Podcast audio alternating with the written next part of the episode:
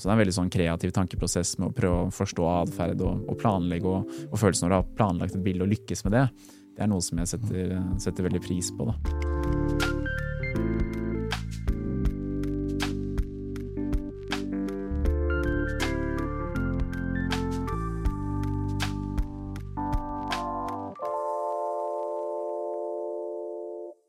Velkommen til en ny episode av Fotopodden, kjære seere og ørevenner. I dag skal vi snakke om naturfoto, dyr, fugler. Så Derfor så har vi fått en gjest i studio. Han ville ikke at jeg skulle kalle han ung og lovende lenger. Han, jeg synes fortsatt han er ganske ung, men han var visst ikke lovende. da Eller var det sånn å forstå, Knut Erik Ja. Hvordan var det der? Iallfall begynte begynt å bli fortsatt lovende, ikke så ung kanskje ennå. Ja, sånn var det vel. Ja, ja, ja. Jeg syns jo du har vært ja, Lovende uttrykk er jo litt sånn da har du veldig mye potensialer, men jeg syns du har Mm. tatt ut ganske mye potensialer allerede. Jo, nei, takk for det. Men det har jo eh, det har begynt å bli nesten ti år nå da, siden jeg startet med fotograferingen. Og ja, mye moro på, på veien, så, så absolutt. Ja, For nå er du 23, Ja, 23. og du har fått priser siden du var 15. Ja, ja, det, det stemmer.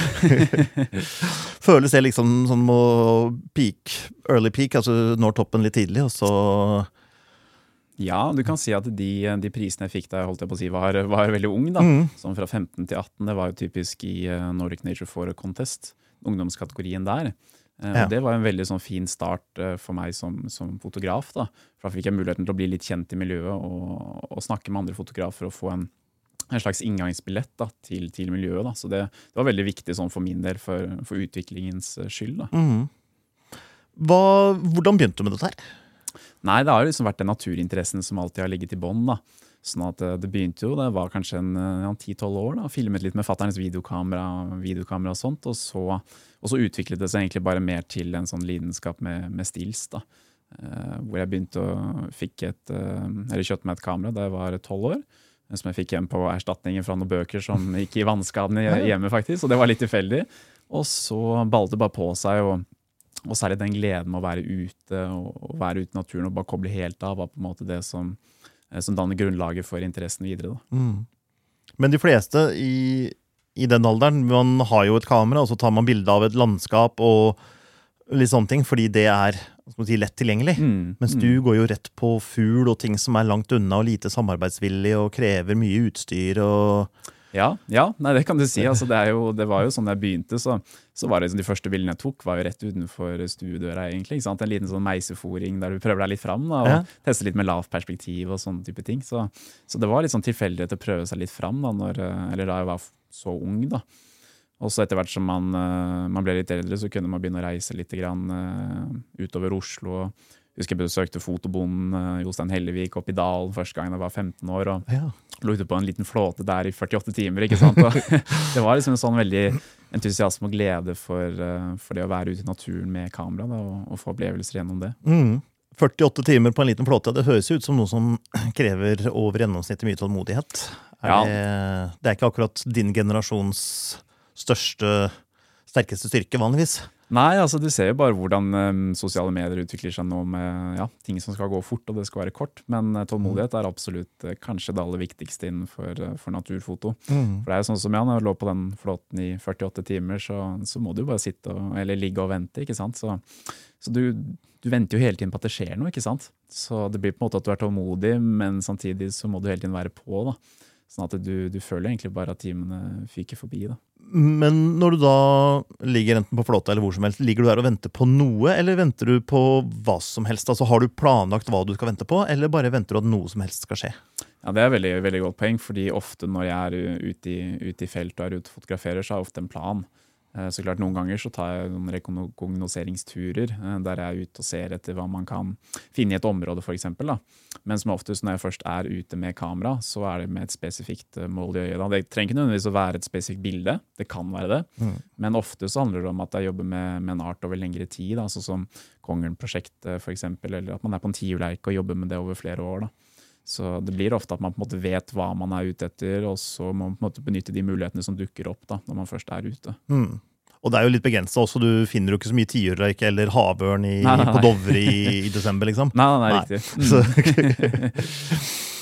Hvilke egenskaper er det du har, bortsett fra tålmodigheten, da, som gjør Mm. at du har gjort det så bra uh, både i så ung alder og altså, når du ser på listen over priser, så er jo det det mange kan skilte med etter 50 år, ikke etter fem liksom, eller åtte. Jo, nei, takk for det. Nei, det er jo det er liksom kombinasjon av, uh, av det å bruke tid og være en genuint entusiastisk glad i det. Det, det, er på en måte det som er lidenskapen min, og, og det som gjør at uh, ja, jeg har lyst til å dra ut og, og, komme ut og fotografere igjen. er på en måte de opplevelsene.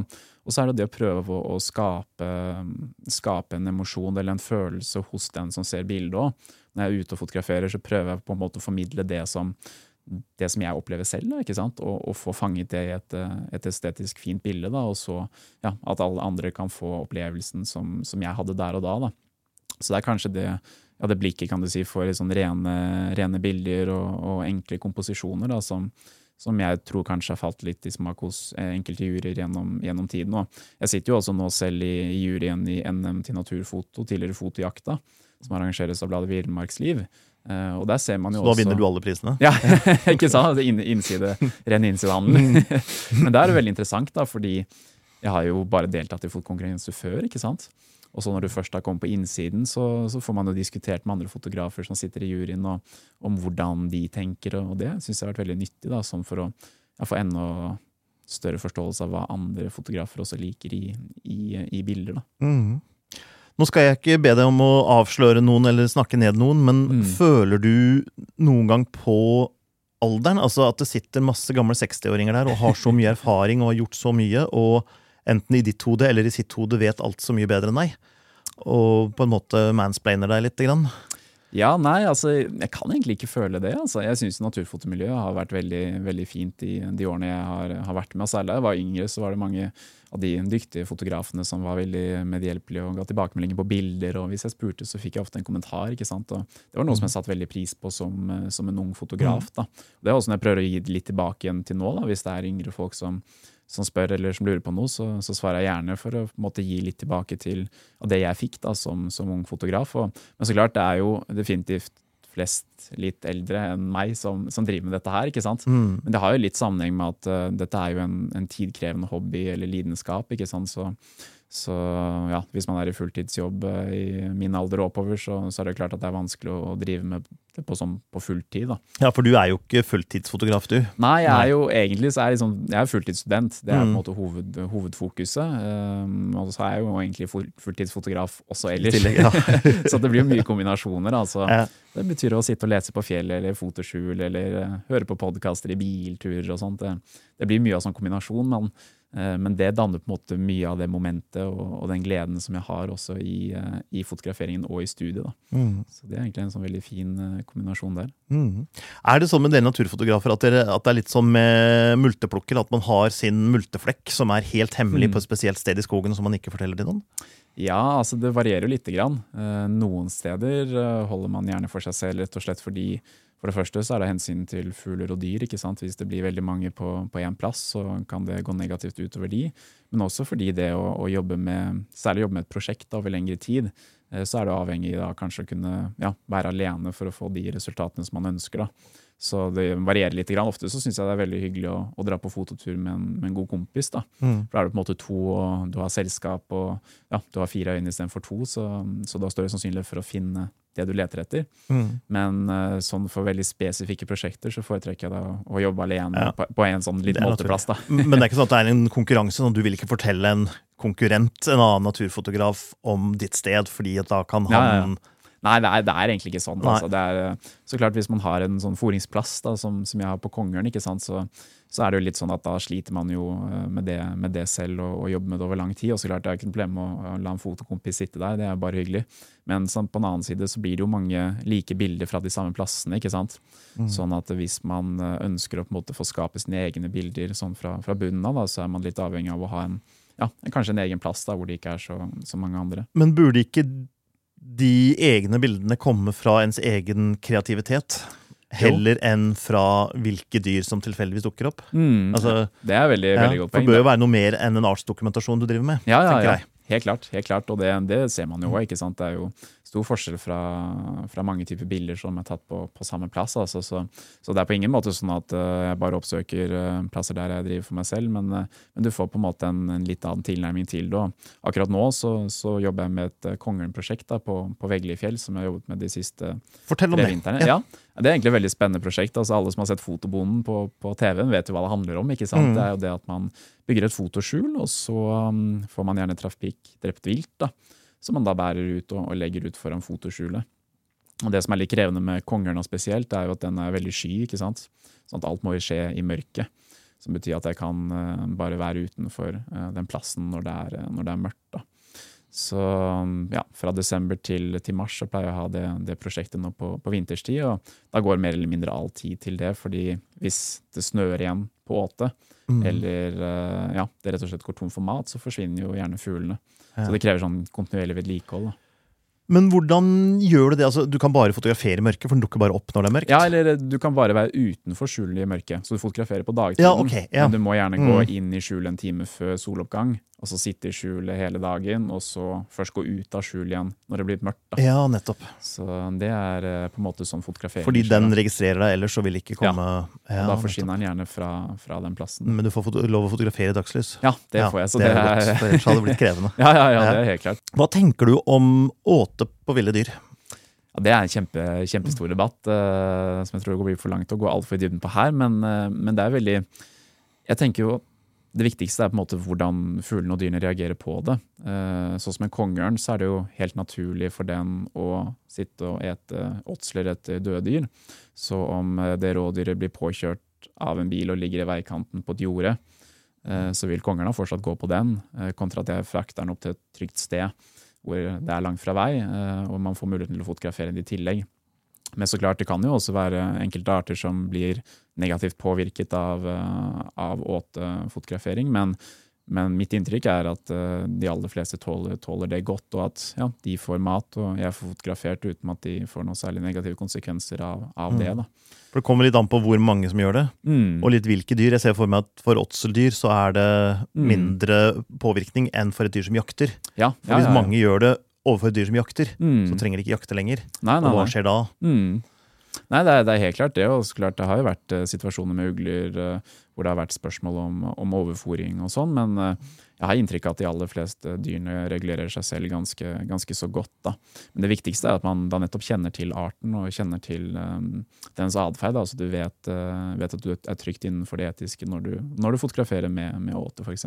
Mm. For det hadde ikke vært mulig uten åte? Nei, det er, jo mange som eh, ja, Hvis man ikke kjenner til hva som kreves for å fotografere kongeren, f.eks., mm. så tror man kanskje ja, var på fjellet, og jøss, det var kult at du fikk bilde av den kongeren. Liksom, ikke sant? Mm. Jøss, og slåsskamper og det som er. ikke sant? Men, eh, men, realiteten er at hvis man skal få bilder av kongeren eh, i Norge, så, så er det det som er den eneste måten. da. Mm. Så, men man ser jo internasjonalt. ikke sant? I USA så er det jo gjerne en mye mindre grad av aksept for fòring av ville fugler og dyr. Men der ser man jo også det kanskje som en konsekvens av at man har disse store nasjonalparkene, ikke sant? Yellowstone, hvor dyr og fugl uh, ikke er naturlig sky overfor mennesker, nettopp fordi de ikke har blitt jakta på. ikke sant? Mm. Mens i Norge så er det jo jakt i enhver nasjonalpark. Ja. Så vi har på en måte ingen steder der dyrene får uh, leve helt fritt uten noen form for forstyrrelser. Mm. Så det kan jo kanskje være noe av grunnen til at man ser at det er såpass stor forskjell. da. Eh, kanskje nasjonalt og internasjonalt når det gjelder hva som er greit, og hva som man ikke synes er greit når det gjelder fòring. Mm. Er det noe nytt med, med fòring? Altså, vet du om man har drevet med det lenge? Jeg vet ikke. altså, du har jo, altså, Jegere har jo drevet med åtejakt uh, i lang tid, sant? typisk på rev. Men for fotografer så, så har jeg inntrykk av at det liksom har vært uh, ja, helt siden man begynte å fotografere ordentlig. da, ikke sant? Ja. Uh, hele tiden har vært en interesse for, for det, da, særlig på kongeren, kanskje særlig i, uh, i Norge. Da. Mm. Så det er nok en ganske sånn lang, lang praksis. Ja, jeg minst jeg har noen minner fra barndommen om Sverrem. Fjelstad som ja, ja, sier han har ligget ute i skogen nå i fire uker og ventet på at denne lille fuglen skal komme. Ja, ja, ja. Eh, sånn, så. det er nok helt, helt riktig. Det. Han var, var god der òg. Så du, men hva gjør du med disse kongeørnbildene? Altså, hva slags kongeørnprosjekt er det, bortsett fra å ta bilde av en kongeørn? Skal det bli noe, eller skal du, blir det bok, eller blir det film, ja. eller teaterforestilling, eller Nei, musical? ja, ikke sant? mange alternativer. Nei. Du kan jo si altså Kongeørn er jo et, uh, en fugl som, som, mange fotograferer, ikke sant. Og, og som mange har eh, fotografert i alle mulige vinkler og varianter. Så det er kanskje ikke det prosjektet hvor jeg håper å få mest originale bilder eller noe nyskapende. Da. Det er mer som for egen del pga. opplevelsen av å være så tett på fuglen og, på en måte få det på sin egen plass. Da, og hele den opplevelsen med, med planlegging og plassering av eh, sant, hvor jeg skal legge maten i forhold til hvor jeg ønsker ørna, ørna til å fly. Eh, så det er en veldig sånn kreativ tankeprosess med å prøve å forstå atferd og, og, planlegge, og, og følelsen når du har planlagt et bilde og lykkes med det. Det er noe som jeg setter, setter veldig pris på. da. Mm. Hvordan planlegger du et bilde? Altså Sitter du hjemme og tenker, og så drar du opp og rekognoserer, og så går du hjem og tenker litt? Eller hvordan Ja, det er et veldig godt spørsmål. Ofte så opplever jeg at uh, det varierer veldig fra hva slags type uh, type bilde jeg ønsker. Noen bilder, sånn som på Kongerna, så har jeg jo da planlagt, ikke nødvendigvis skissert det ned, men noen ganger også. Men da planlegger jeg ganske i detalj at jeg ønsker å ha den ørna sittende på den rota der kanskje akkurat på det tidspunktet når sola treffer fjellene bak. Eh, mens andre ganger så har det på en måte mm, kanskje vært en idé om at jeg ønsker å fotografere en trane på en myr i en soloppgang eh, med noe eh, med noe tåke som driver over. ikke sant? Noen sånn litt mer sånn ikke så konkrete ideer, da, men som jeg kan ha i bakhodet når jeg først er ute i felt, uh, for å få uh, de fotografiske mulighetene som jeg ønsker. da. Mm. Så det er kanskje en litt sånn, ja, Noen ganger så er det veldig konkret, men som oftest er det kanskje bare en sånn idé om en lys eh, eller en stemning da, som jeg ønsker å, å, få fotografert. da. Har du permanent skjul som du tar med kongeørnen, eller har du en sånn flyttbar telt-type ting? Nei, på kongeørna så, mm. så, blir det jo unektelig mange timer. ikke sant? Det sitter jo gjerne kanskje 10-12 timer, og på vinterstid med minus 20, så, så, er det helt klart en fordel med et ordentlig skjul. Ja. Så jeg tok også bare inn, uh, fikk så klart alle nødvendige tillatelser, og bar inn det da inn til, uh, til den foringsplassen. da. Så bygde jeg et fotoskjul der ja, sommeren for et par, par år siden. Så ja, hvordan begrenser det deg sånn fotografisk, at du må sitte på samme sted mm. hele tida? Har du sånn 360 grader, så du kan ta den i alle retninger, eller er det liksom bare ut den Nei, det er egentlig faktisk bare ut én vinkel, da. Men ja. Eh, det du kan du måtte variere mest på på sånn type prosjekt, det er jo plassering av åte, ikke sant. Fordi jeg vet at hvis jeg plasserer to åter eh, med kanskje et par-tre meters mellomrom, eller sånn som jeg har jobbet med det nå i vinter, at jeg plasserer ett åte på kanskje 15-16 meter og ett på 10 meter så vet jeg at det er god sannsynlighet for at jeg kan få kongeørna til å fly rett imot. Jeg vet at Han kommer til å bevege seg mellom de to mm. åtene. ikke sant? Og Hvis jeg da setter opp en pinne til høyre for det første åtet, så kanskje han lander der og pusser eh, nebbet før han drar videre. ikke sant? Så Litt sånn type ting. da, Eksperimentere med plassering av åte og plassering av eh, ja, sånne sittepinner. da, mm. For å på en måte få, få bilder av fuglen der du ønsker. da. Så, men som oftest så stiller du ikke til stiller du ikke opp. ikke sant? Det er jo sjelden at eh, de dukker opp akkurat på det tidspunktet som du ønsker. Så. Men det er jo litt av moroa da, ikke sant? Å, å, å prøve seg fram og, og lete og, og, feile, og plutselig så sitter det, og, og, da er det jo en virkelig fantastisk opplevelse. Da. Mm. Ja, for det er jo muligheter i dag som kanskje for naturfotografer i mindre grad, men for mange så er det jo så store muligheter for hvem som helst mm, mm. å ha det teknisk nødvendige utstyret. At det koker jo ned til hva du sjøl er i stand til å få til. Mm, mm. I gamle dager så var det jo gjerne at du måtte mekke til en eller annen løsning sjøl som ingen andre hadde. Og så når mm. du hadde den løsningen, så kunne du ta bilder ingen andre kunne ta. Ja, ja, ja. Og det er det jo i mindre grad nå. Mm, mm. Så alt koker jo mer ned til hvor lenge orker du å ligge, og hvor kreativ er du. Ja, nei, det, er, det er helt klart det. Altså, du, kan jo, du, kan jo, si det sånn at naturfoto det er jo ikke det blir ikke noe enklere å skille seg ut med årene. ikke sant? Nå blir jo teknologien bedre og bedre, og bedre, og det skal mindre til. og F.eks. nå med utviklingen med øyestyrt fokus ikke sant? På, på speilløst. Den mm. enorme forskjellen det hadde for fluktbilder. ikke sant? Mm. Eh, fugler i flukt er jo blitt en helt annen ting nå enn det det var for eh, fem-seks år siden. ikke sant? Mm. Så, så, da er det mye enklere for, eh, for folk flest holdt jeg på å si, å, å ta gode fluktbilder, f.eks. Mm.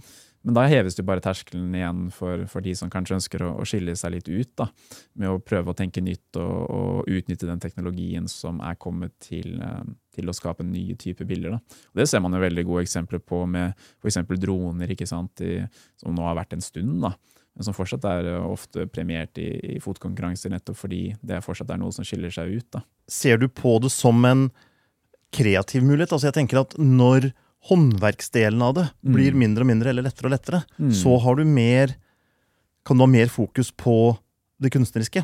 Mm. Mm.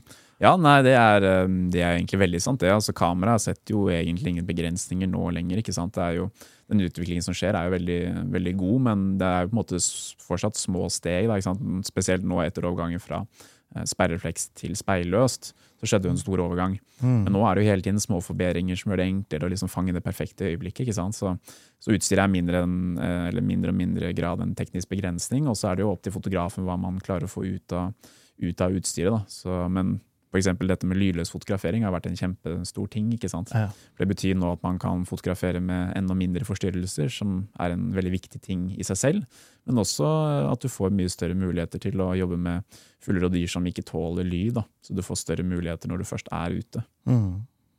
Ja, vi ser jo på gamle bilder som vi var imponert over, så var vi gjerne imponert over dem fordi det tekniske den gangen var så dårlig. Ja, ja, ja. At å klare å fange det bildet med det utstyret ja, ja, ja. var det som var imponerende. Kanskje Mm. ikke selve bildet. Det bildet i dag hadde ikke vært Nei, nei, nei. noen ting i det hele tatt. Mm.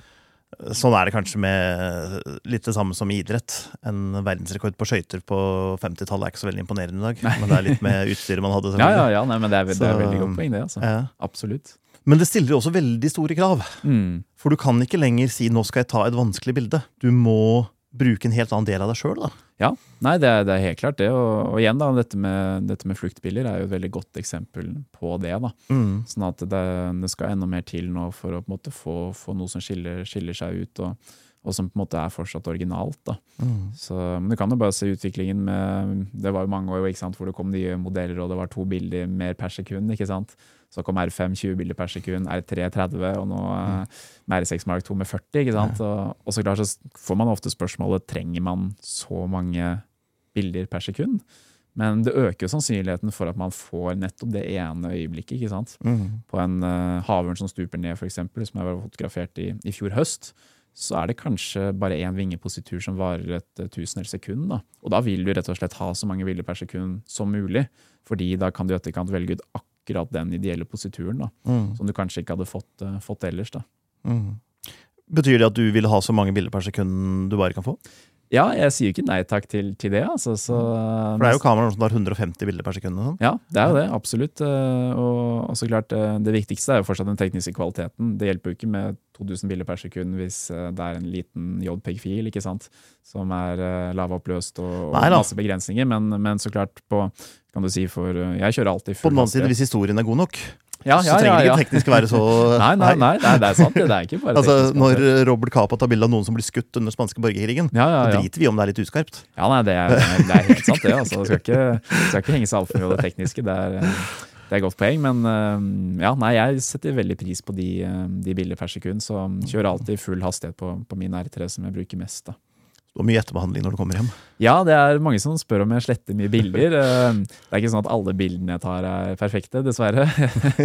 Så det blir mange bilder, men, øh, men jeg sletter egentlig veldig lite bilder. Fordi ja, hvis du kommer hjem fra en tur og har 15 000 bilder, så har jeg veldig gjerne lyst til å redigere de bildene som jeg er fornøyd med, og, og publisere de eller bruke det til det jeg skal bruke det til. Og så har jeg veldig lite lyst til å gå gjennom alle de 14 000 andre som jeg ikke vil ta vare på. da. Så nå er heldigvis lagring blitt så, så billig, så jeg foretrekker heller å bare ja, ta vare på alt. Og så heller gå gjennom bildematerialet flere ganger eh, når eh, kanskje inntrykkene har lagt seg litt, eller hvis man skal lete opp en spesiell situasjon og plukke ut flere sekvenser av den. da. Mm. Hvis man skal begynne med å fotografere fugler, for det er Mm. fugler du mest fokuserer på. Ja, det er fugler og dyr, eh, egentlig begge deler, men det er mest variasjon. Jeg så moskuser og noen rever på siden din, men ellers Ja, ja, det ja. mye fugl. ja, nei, det, er, det blir mye fugl, altså. Det er fordi det er jo veldig stort eh, utvalg av det. ikke sant? Mm. Eh, Mye variasjon og mye lokalt. Jeg fotograferte jo mer eller mindre frem til jeg var 18 her i Oslo-området, eh, nesten utelukkende. ikke sant? Fordi da hadde jeg jo ikke tilgang på bil, eller ja, man skulle komme seg rundt. Så, så da er det jo mye variasjon på, på fugl. og Men så klart, dyr er jo også veldig spennende å, å jobbe med, da, selv om det er mer begrenset hva, hva slags ja, variasjon i arter man får der. Mm. Det er jo en del som domestiserer seg selv for tida. Altså rådyr og Ja, ja, rødrev ja. er jo overalt. Og det går jo Mm. rusler rundt i borettslagene der ute hvor jeg bor. Ja, ja, og det er jo kjempegode muligheter til å fotografere. Så, så, så det er helt klart. Og ofte så er det hvis du har et, eh, en art eller noen individ de er nå, da, til og med som, som holder seg i, i sånne områder, så er det jo mye enklere å jobbe med de nettopp fordi de er mindre sky enn de du, de du finner i, ute i skogen. da. Mm. Så hvis man skal begynne med naturfoto, så er det lurt Mm. å begynne i egen hage og eget Ja. nabolag, egentlig. Absolutt, det var det jeg gjorde. Jeg husker jeg gikk rundt i nabolaget med kamera og tok, med, tok mine første bilder. Så det trenger ikke, man trenger ikke å, å lete så langt etter de gode, gode motivene. Og det er også et sånt generelt poeng som har vært viktig for min del, da, å, å drive med det med altså, lokal fotografering. Jobbe mye rundt eh, Oslo, men også mye fra Veglifjell, der eh, min familie har hytte. Da. Så det blir på en måte å, å, å jobbe med de områdene man har rundt seg, fordi da kan du jobbe over lengre tid. Og også jobbe til og med med de samme individene òg. Og da Mm. får man jo virkelig en mulighet til å lære ikke bare arten på artsnivå, ikke sant? men også hvordan de enkelte individene oppfører seg. Det ser jeg f.eks. når jeg jobber med ikke sant? Du kjenner igjen den, det enkeltindividet på fjørdrakta, vet at den kommer gjerne klokka ni og blir til ti, og så dukker den opp igjen på kvelden. ikke sant? Ja. Eller så er det sånn som en tiur som jeg har jobbet med over mange år på, på Veglifjell, som, som har vært veldig spesiell. ikke sant? Den vet at eh, ja, kanskje han dukker opp eh, sånn på høsten, og så er han der en liten periode. Da vet jeg, da kan jeg kanskje jobbe med den da. da. Prøve å time det sånn at jeg har litt fri fra studiet den, den perioden. da, så så det er veldig, veldig nyttig sånn sett. da. Men det er jo ganske, du er ganske nerdete når du kjenner tiurene altså Ja, ja. personlig, holdt jeg på å Ja, si. ja akkurat den tiuren er jo helt, helt unik. da, Altså, den, den har jo holdt til i hyttegrenda, da, så den er jo liksom one of a kind sånn sett. da.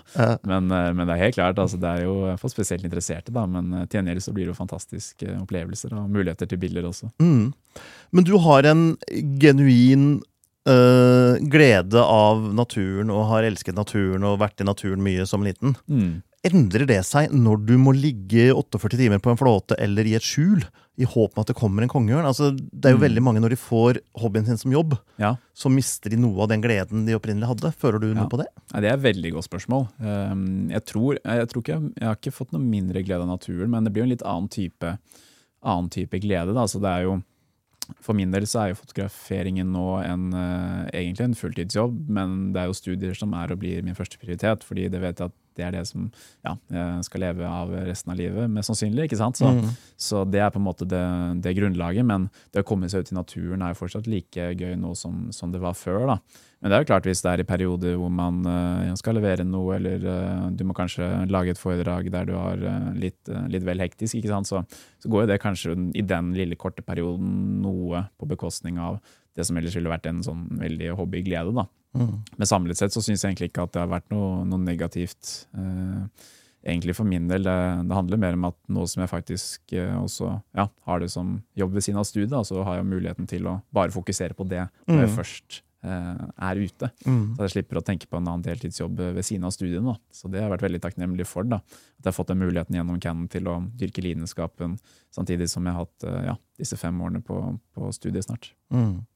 Kan du gå deg en tur i fjellet og legge en kamera hjemme og bare nyte det, eller må du ha med kamera i tilfelle det dukker opp en rype? Eller? Ja, nei, det ofte i starten, nå har jeg jo ja, holdt på i ti år, eh, litt over det, så, så var det sånn at du kunne jo ikke gå ut av døra. ikke sant? Tenk om muligheten var der, og plutselig så, så Og det er jo ofte sånn den ene gangen man går ut, at man ikke har med kamera, at det dukker opp noe. ikke sant?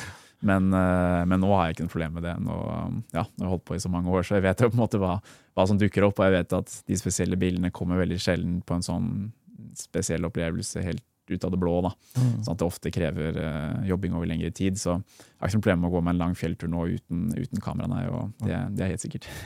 Det må jo være lettelse, det også. Ja, det, det er helt klart.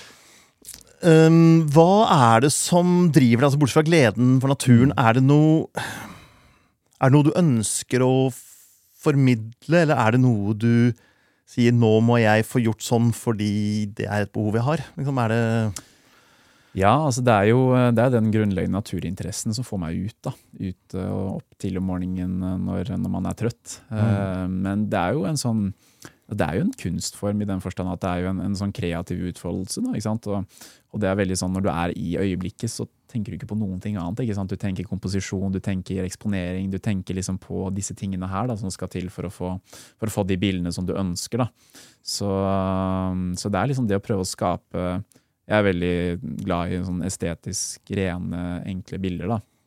Enkle linjer, enkle ja, enkelt visuelt uttrykk da, som blir på en måte rent og pent å se på, for å si det sånn. da. Mm. Så det er kanskje det jeg søker i, i mine bilder. da, og, og prøve å skape en litt sånn minimalistisk tilnærming til det. da, Hvor, hvor det er fokus på å på en måte isolere motivet, gjerne i miljøet. ikke sant? Miljøbilder er noe som, som jeg liker veldig godt å jobbe med, og som jeg er kanskje aller mest fornøyd med sånn i etterkant. Selv om det ofte blir liksom fokus også på de tette portrettene. da. Mm. Men det å liksom prøve å formidle de, de stemningene og, og det man opplever ute i naturen, da, det, det er liksom det som er hoved, eh, hovedfokuset mitt da, som, som fotograf. Mm. Er det frustrerende at så mange mennesker har tatt så mange bilder før deg i så mange år? At eh, Ja. du, det føles litt oppbrukt noen ganger?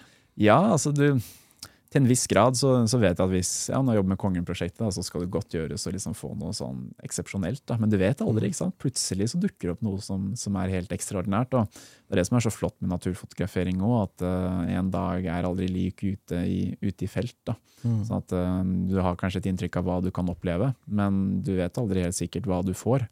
Så hver dag er sånn sett helt unik. da. Uh, Sånn at jeg føler egentlig ikke på at det er så mm, oppbrukt, egentlig, selv om nettopp eksempelet med kongerne kanskje viser det. da. Så er det uansett en fantastisk opplevelse å være ute og, ja, og leke seg og, og ha det gøy. da. Det er det aller viktigste. Mm. Har du lyst til å reise ut til mer eksotiske fugler og mer eksotiske dyr og mer eksotiske alt mulig? Eller blir det bare vanskelig å gjøre jobben fordi du kjenner ikke miljøet, og du kjenner ikke lys? og du kjenner ikke Ja, nei, Det sistnevnte er et veldig godt poeng, ikke sant? og mye av grunnen til at jeg også ønsker å jobbe med lokale prosjekter over mange år. da. Nettopp fordi da kjenner jeg soloppgang og solnedgang og vet hvordan lyset er i de forskjellige årstidene. Men absolutt, nå har jeg jo nå fotografert i, eh, i Norge i, ti år ikke sant? Og, og har vært på de mange av de samme plassene over mange år på rad. Så er det klart at eh, på et eller annet tidspunkt så, så vil det jo sikkert bli veldig spennende å, å, å reise utenlands. Men det er nettopp det at man ikke kjenner øh, kjenner området, kjenner lyset. Du kan mest sannsynlig kanskje ikke gjøre akkurat som du vil, da, med tanke på plassering og, og sånn type ting. da. Du er litt mer på en måte prisgitt andre fotografers eh, ønske og kunnskap om eh, hvordan fotograferingen skjer. Da, mens hvis du jobber på et prosjekt i, ja, i nærområdet i Oslo, så kan du selv helt bestemme på en måte premissene for fotograferingen. Da. Mm. Så det er jo helt klart en, en stor fordel, men, eh, men det hadde vært kjempespennende å dra på noen ekspedisjoner eh, ja, til eh, polare regioner eller et eller annet sånt. Det ville vært veldig Ja, for du liker å fryse, ikke sant? ja, det, er, eh, det må bare lære seg å like, altså. det er eh, utallig mange timer med, ja, med frysing og venting, så vinterstid er fantastisk flott tid for naturfotografer. ikke sant? Det er snø, enkle, fine, hvite, rene linjer. Mm. Sånn at du får veldig ja, muligheter til å jobbe med sånn estetisk pene bilder. da, ikke sant? Og jobbe med fugler og dyr i, i miljøet. ikke sant? Og, og få snøen til å belyse under fuglene, og ja, fluktbilder og det som er. da. Så man må bare lære seg å, å kle seg godt, da, og så fryse så, så godt man kan. Er det lettere med åte og sånne ting om vinteren fordi det er lite mat for dyrene ellers? Så de kommer Ja. lettere til fôringssteder? Absolutt. så Kongeprosjektet er nettopp da på, vin på vinterstid. da. Mm. For på sommeren så er det jo mye andre ting som skjer i naturen, så, så det er mindre, ja, mindre naturlig for fuglen å oppsøke sånne, sånne type plasser. da. Men går du da halve året på kanin- og musejakt for å ha åte til disse dyra, eller? Ja, nei, heldigvis så, så har jeg en god avtale med, med grunneier og, og viltnemnda, da, så du får, eh, du får trafikkdrept vilt gjennom vinteren. da. Ja. Sånn at du har en eh, grei tilgang der. da. For Mm. Du er litt avhengig av at du har eh, tilgang til det, fordi ja, blir, eh, blir det tomt, så forsvinner gjerne fuglene. så. Ja, For de spiser ikke pølser og sånn, de? Nei, det, er, eh, det, det, det tror jeg går heller dårlig. Da jeg få noe usalta. For de som da skal begynne med dette her, hvor man begynner i nærområdet. Ja. um, trenger man dyrt utstyr? Altså Jeg ser jo dere naturfotografer springer jo ut, rundt med utstyr til en gjennomsnittlig årslønn. Mm, mm. Uh, må man starte der? Overhodet ikke, og det er jo helt klart. ikke sant? Og, og det ser man jo med, med den utviklingen som har skjedd de siste årene òg. At kameraene er jo blitt så bra, ikke sant? Eh, uavhengig av hvilken prisklasse det er i. Så, så det viktigste er å, å på en måte kanskje legge litt mer penger i objektivet da, ikke sant? enn en kamerahuset. Objektivet holder seg i- gjerne over lengre tid i, i bedre verdi. ikke sant? Og så finne seg en, eh, ja, en god pakke innenfor eh, sitt, eh, sitt prisnivå. altså en, eh, et kamerahus og en 100-400 zoom er jo et veldig godt utgangspunkt hvis man har muligheten til det. Da har du fleksibel eh, brennvidde, og du kan jobbe både med ja, komme tett på på 400 mm, og, og jobbe mer med fugler og i, eh, dyr i miljøet med, ja, i segmentet under der. da. Så um, det viktigste er egentlig bare å ha det gøy, og, og kanskje ikke hoppe på det aller dyreste utstyret med en gang. Også fordi det er på en måte en, en læringsprosess. da. å lære seg utstyret sitt å kjenne og på en måte utnytte utstyret sitt på, til det fulle det man har nå. ikke sant? Og så heller oppgradere og se når man da faktisk møter begrensningene som, som utstyret måtte ha. da. For Det er jo en veldig norsk variant og når man øh, vurderer en ny hobby, å kjøpe alt det dyreste utstyret først, og så ser man om det er gøy. Ja, det er, det er nok helt sant, det. altså. Så trenger den, og så ligger det mye på Finn. Og Ja, har ja, ja. fotoutstyr mye hos brukt, uh, bruktmarkedet hos oss, for det er en del som gjør, tar Ja, den varianten der. Mm, men bruktmarkedet er jo veldig godt poeng også, da. ikke sant? Hvis du skal, sta skal starte, eller for så vidt også bare skal oppgradere, brukta sparer jo masse penger. Mm. Og disse, ut, dette utstyret er blitt så bra, så de holder seg kvalitetsmessig. Ja, ikke bare sparer du penger, men risikoen er så lav. Fordi at hvis du angrer deg, så kan du selge det igjen. For i praksis det samme du ga for det. Mm, Så du tar bort veldig mye risiko der. Det er helt sant, det. altså. Så, så det er ganske, ganske smart å kjøpe brukt hvis man er litt usikker på hva man skal. Nå, det, her, det blir kanskje veldig utstyrsspesifikt, og Ja. du er jo Canon-ambassadør, så Mm. vi må jo ta høyde, eller være klar over det når du svarer. Men Canon har jo noen sånne 600 og 800 blender 11 Ja. Mm. som har all den rekkevidden du ønsker deg, men Mm. har ganske dårlig lysstyrke. Hvordan Ja. fungerer det? Ja, nei, det er jo, det kommer helt an på hva man fotograferer. ikke sant? Ja. Som du sier, så er det jo en, eh, en eh, lang eh, teleoptikk med en forholdsvis ja, smal blender, blenderåpning på blender 11, ikke sant? fast blender 11. Sånn at du er, du er litt avhengig av at du har godt lys, men til sitt formål, særlig for fugler og ja, egentlig særlig for fugler, da, så er det et veldig utmerket objektiv hvis du har lyst til å, å prøve deg fram og, og, og leke deg med en lengre et lengre teleobjektiv. da.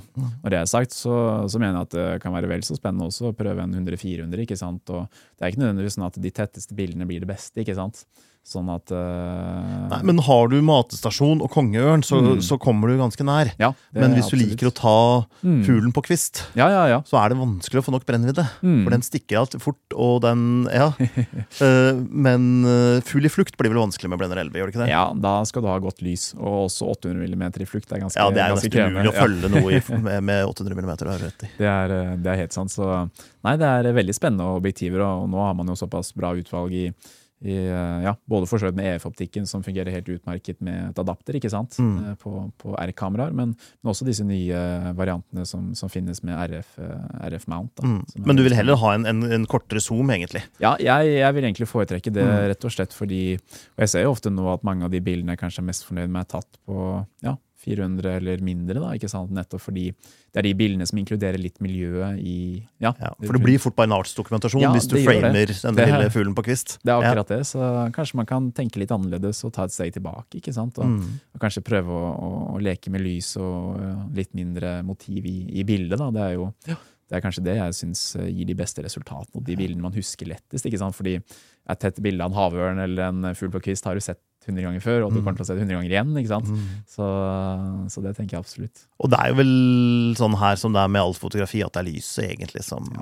skiller et godt bilde fra et helt ordinært eller dårlig bilde. Ja, helt klart. Og, og ja, for min del, så hvis det er sol og, og fint vær, så er det liksom den første timen før soloppgang til en time etter soloppgang som gjelder eh, for å få de bildene jeg ønsker. Og er det så klart er det overskya, så har du veldig fine muligheter til å jobbe gjennom hele dagen. da. Men det er på en måte de, de lys, spesielle lyseffektene som, som gjør at et bilde skiller seg ut. da.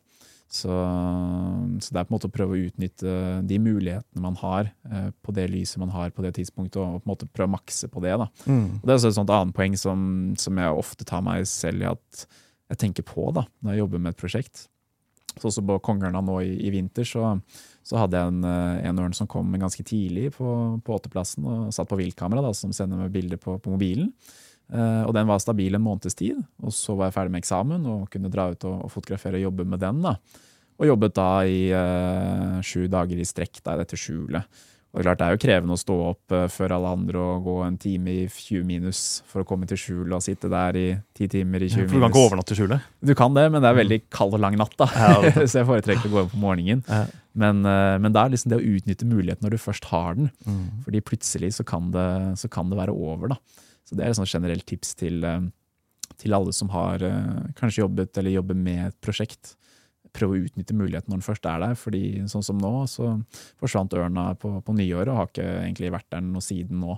Så, så da sitter jeg der, ikke sant. Kanskje jeg hadde tenkt at uh, den ørna blir her til, uh, til februar, den, ikke sant. Kanskje bare tatt et par-tre dager, så hadde jeg ikke fått de bildene som jeg har vært mest fornøyd med fra, fra det prosjektet så langt. da. Så det, Du tilbrakte jula og greier, du? Oppe Ja da, det tilbrakte Jeg satt du på julaften og ja, jeg gjorde faktisk det. Ja. det var, jeg, satt, jeg rakk akkurat tilbake til hytta og, og pinnekjøttet. Så det, det, det, men det ble faktisk julaften også, så det må til. Altså, jeg Mm. fikk innvilga den hos familien, så det var, var ikke dumt. Det høres jo veldig spennende ut, men det høres jo veldig veldig ukomfortabelt ut, Mm. Synes jeg. Ja. Altså opp før fuglene fiser, og så sitte der oppe og fryse Mm. på julaften mens de andre sitter inne i varmen og koser seg og kjenner på pinnekjøttlukta. Mm. Og så kommer du kanskje ned med et ålreit bilde av en ørn Mm. som du kunne tatt i overmorgen. Ja, ja, ja, ja, ikke sant? Kunne man gjort det? ikke sant? Det er det som er spørsmålet. Så, så, så det er jo klart det. Hvis man skal eh, få bilder som kanskje skiller seg litt ut, eller eh, få de resultatene som man ønsker, hvis man har litt ambisjoner om å få, ja, få et bredt utvalg, da, så krever det mye innsats og mye tålmodighet og mye slit. Da. Det, det blir jo unektelig det. da. Mm. Men så blir det så ekstra godt når det først lykkes. ikke sant? Ja. Så det er uansett alltid, alltid verdt det når man har eh, ja, slitt litt. Og den lykkefølelsen ikke sant? når du uh, f.eks. ser ørna lette ti meter og fly rett mot deg ikke sant? og fyller hele bilderammen akkurat som man hadde ønska seg. da. Så, så er jo det en fantastisk eh, flott følelse. Mm. Og man blir jo lykkeligere av det man oppnår som man har jobba for, Mm, ja, ja, ja. Helt enn det man bare Oi, knips. Mm, det er akkurat det. Så det er kanskje noe av det beste jeg liker sånn med, med å jobbe med prosjekter over tid. Da? Nettopp den, den følelsen av å lykkes når man, eh, når man har slitt mye og ja, jobba med et prosjekt over lang tid. Da. Har du noen ambisjoner om å bli fullt Altså leve av fotograferinga?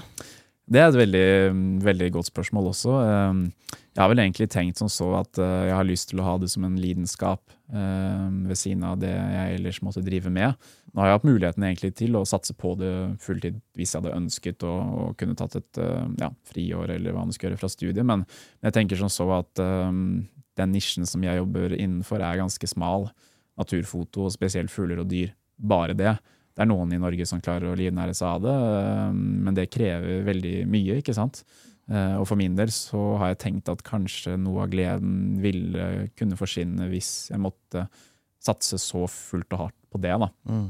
Så jeg har egentlig tenkt at eh, jeg har lyst til å benytte muligheten nå mens jeg studerer, som, ja, og prøve det litt ut, da, ikke sant? Som, som jobben ved siden av studiet. Og så, så har jeg nok kanskje tenkt å, å prøve ja, forfølge en annen karriere sånn for, for hovedinnkomsten, for å si det sånn. Mm. For, eh, for eh, ja, annen type Til å betale husleia med? ja, ja, ikke sant? Det er akkurat det. Så ha heller fotograferingen som en sånn ja, deltidsglede, da, ikke sant? Mm. istedenfor at det blir et press på at det er, på en måte, det er der du får pengene dine. Mm.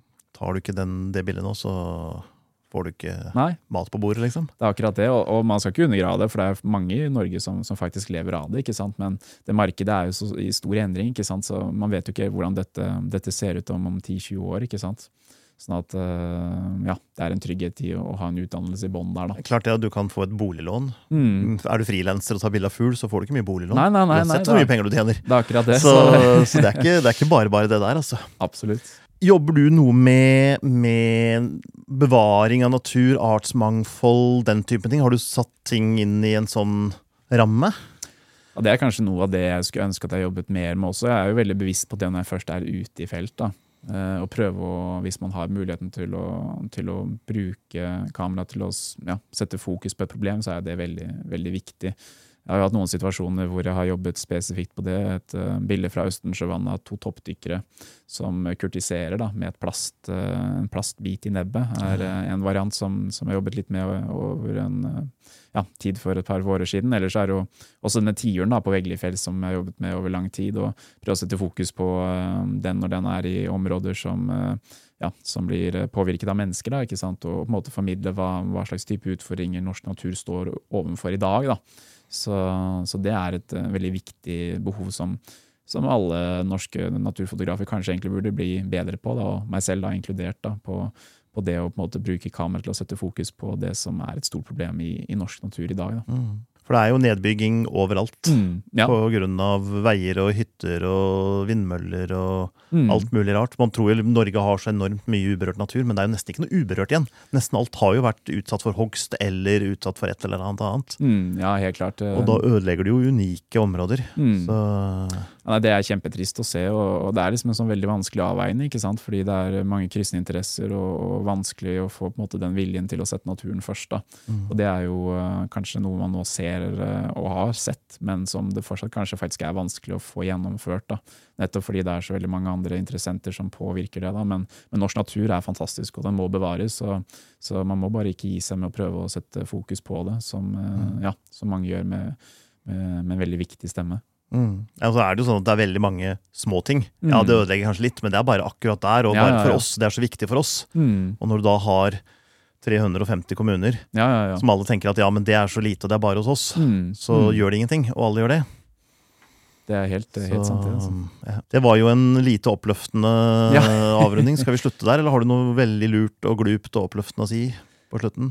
Nei, altså du kan jo si nå er, jo, nå er det vinter, ikke sant. Nå er det jo veldig, uh, veldig fine forhold her både i Nordmarka og alle andre områder rundt i, rundt, rundt i Norge med en bra vinter i år. Så kom dere ut og, og nyt vinteren og, og lek med, gjerne med whiteouts. ikke sant? Overeksponer i forhold til lysmåleren og, og skap hvite, rene, pene bilder som som kanskje gjør seg veldig godt på, på en hyttevegg, da, eller hva nå det skulle være. Så prøv å benytte de mulighetene som, eh, som, man skulle ha nå rundt seg, og så ja, får bare nyte så godt man kan. Det var en mye bedre avslutning. Ja. takk skal du ha, Knut Erik. og takk til dere som så på, og alle som hørte på.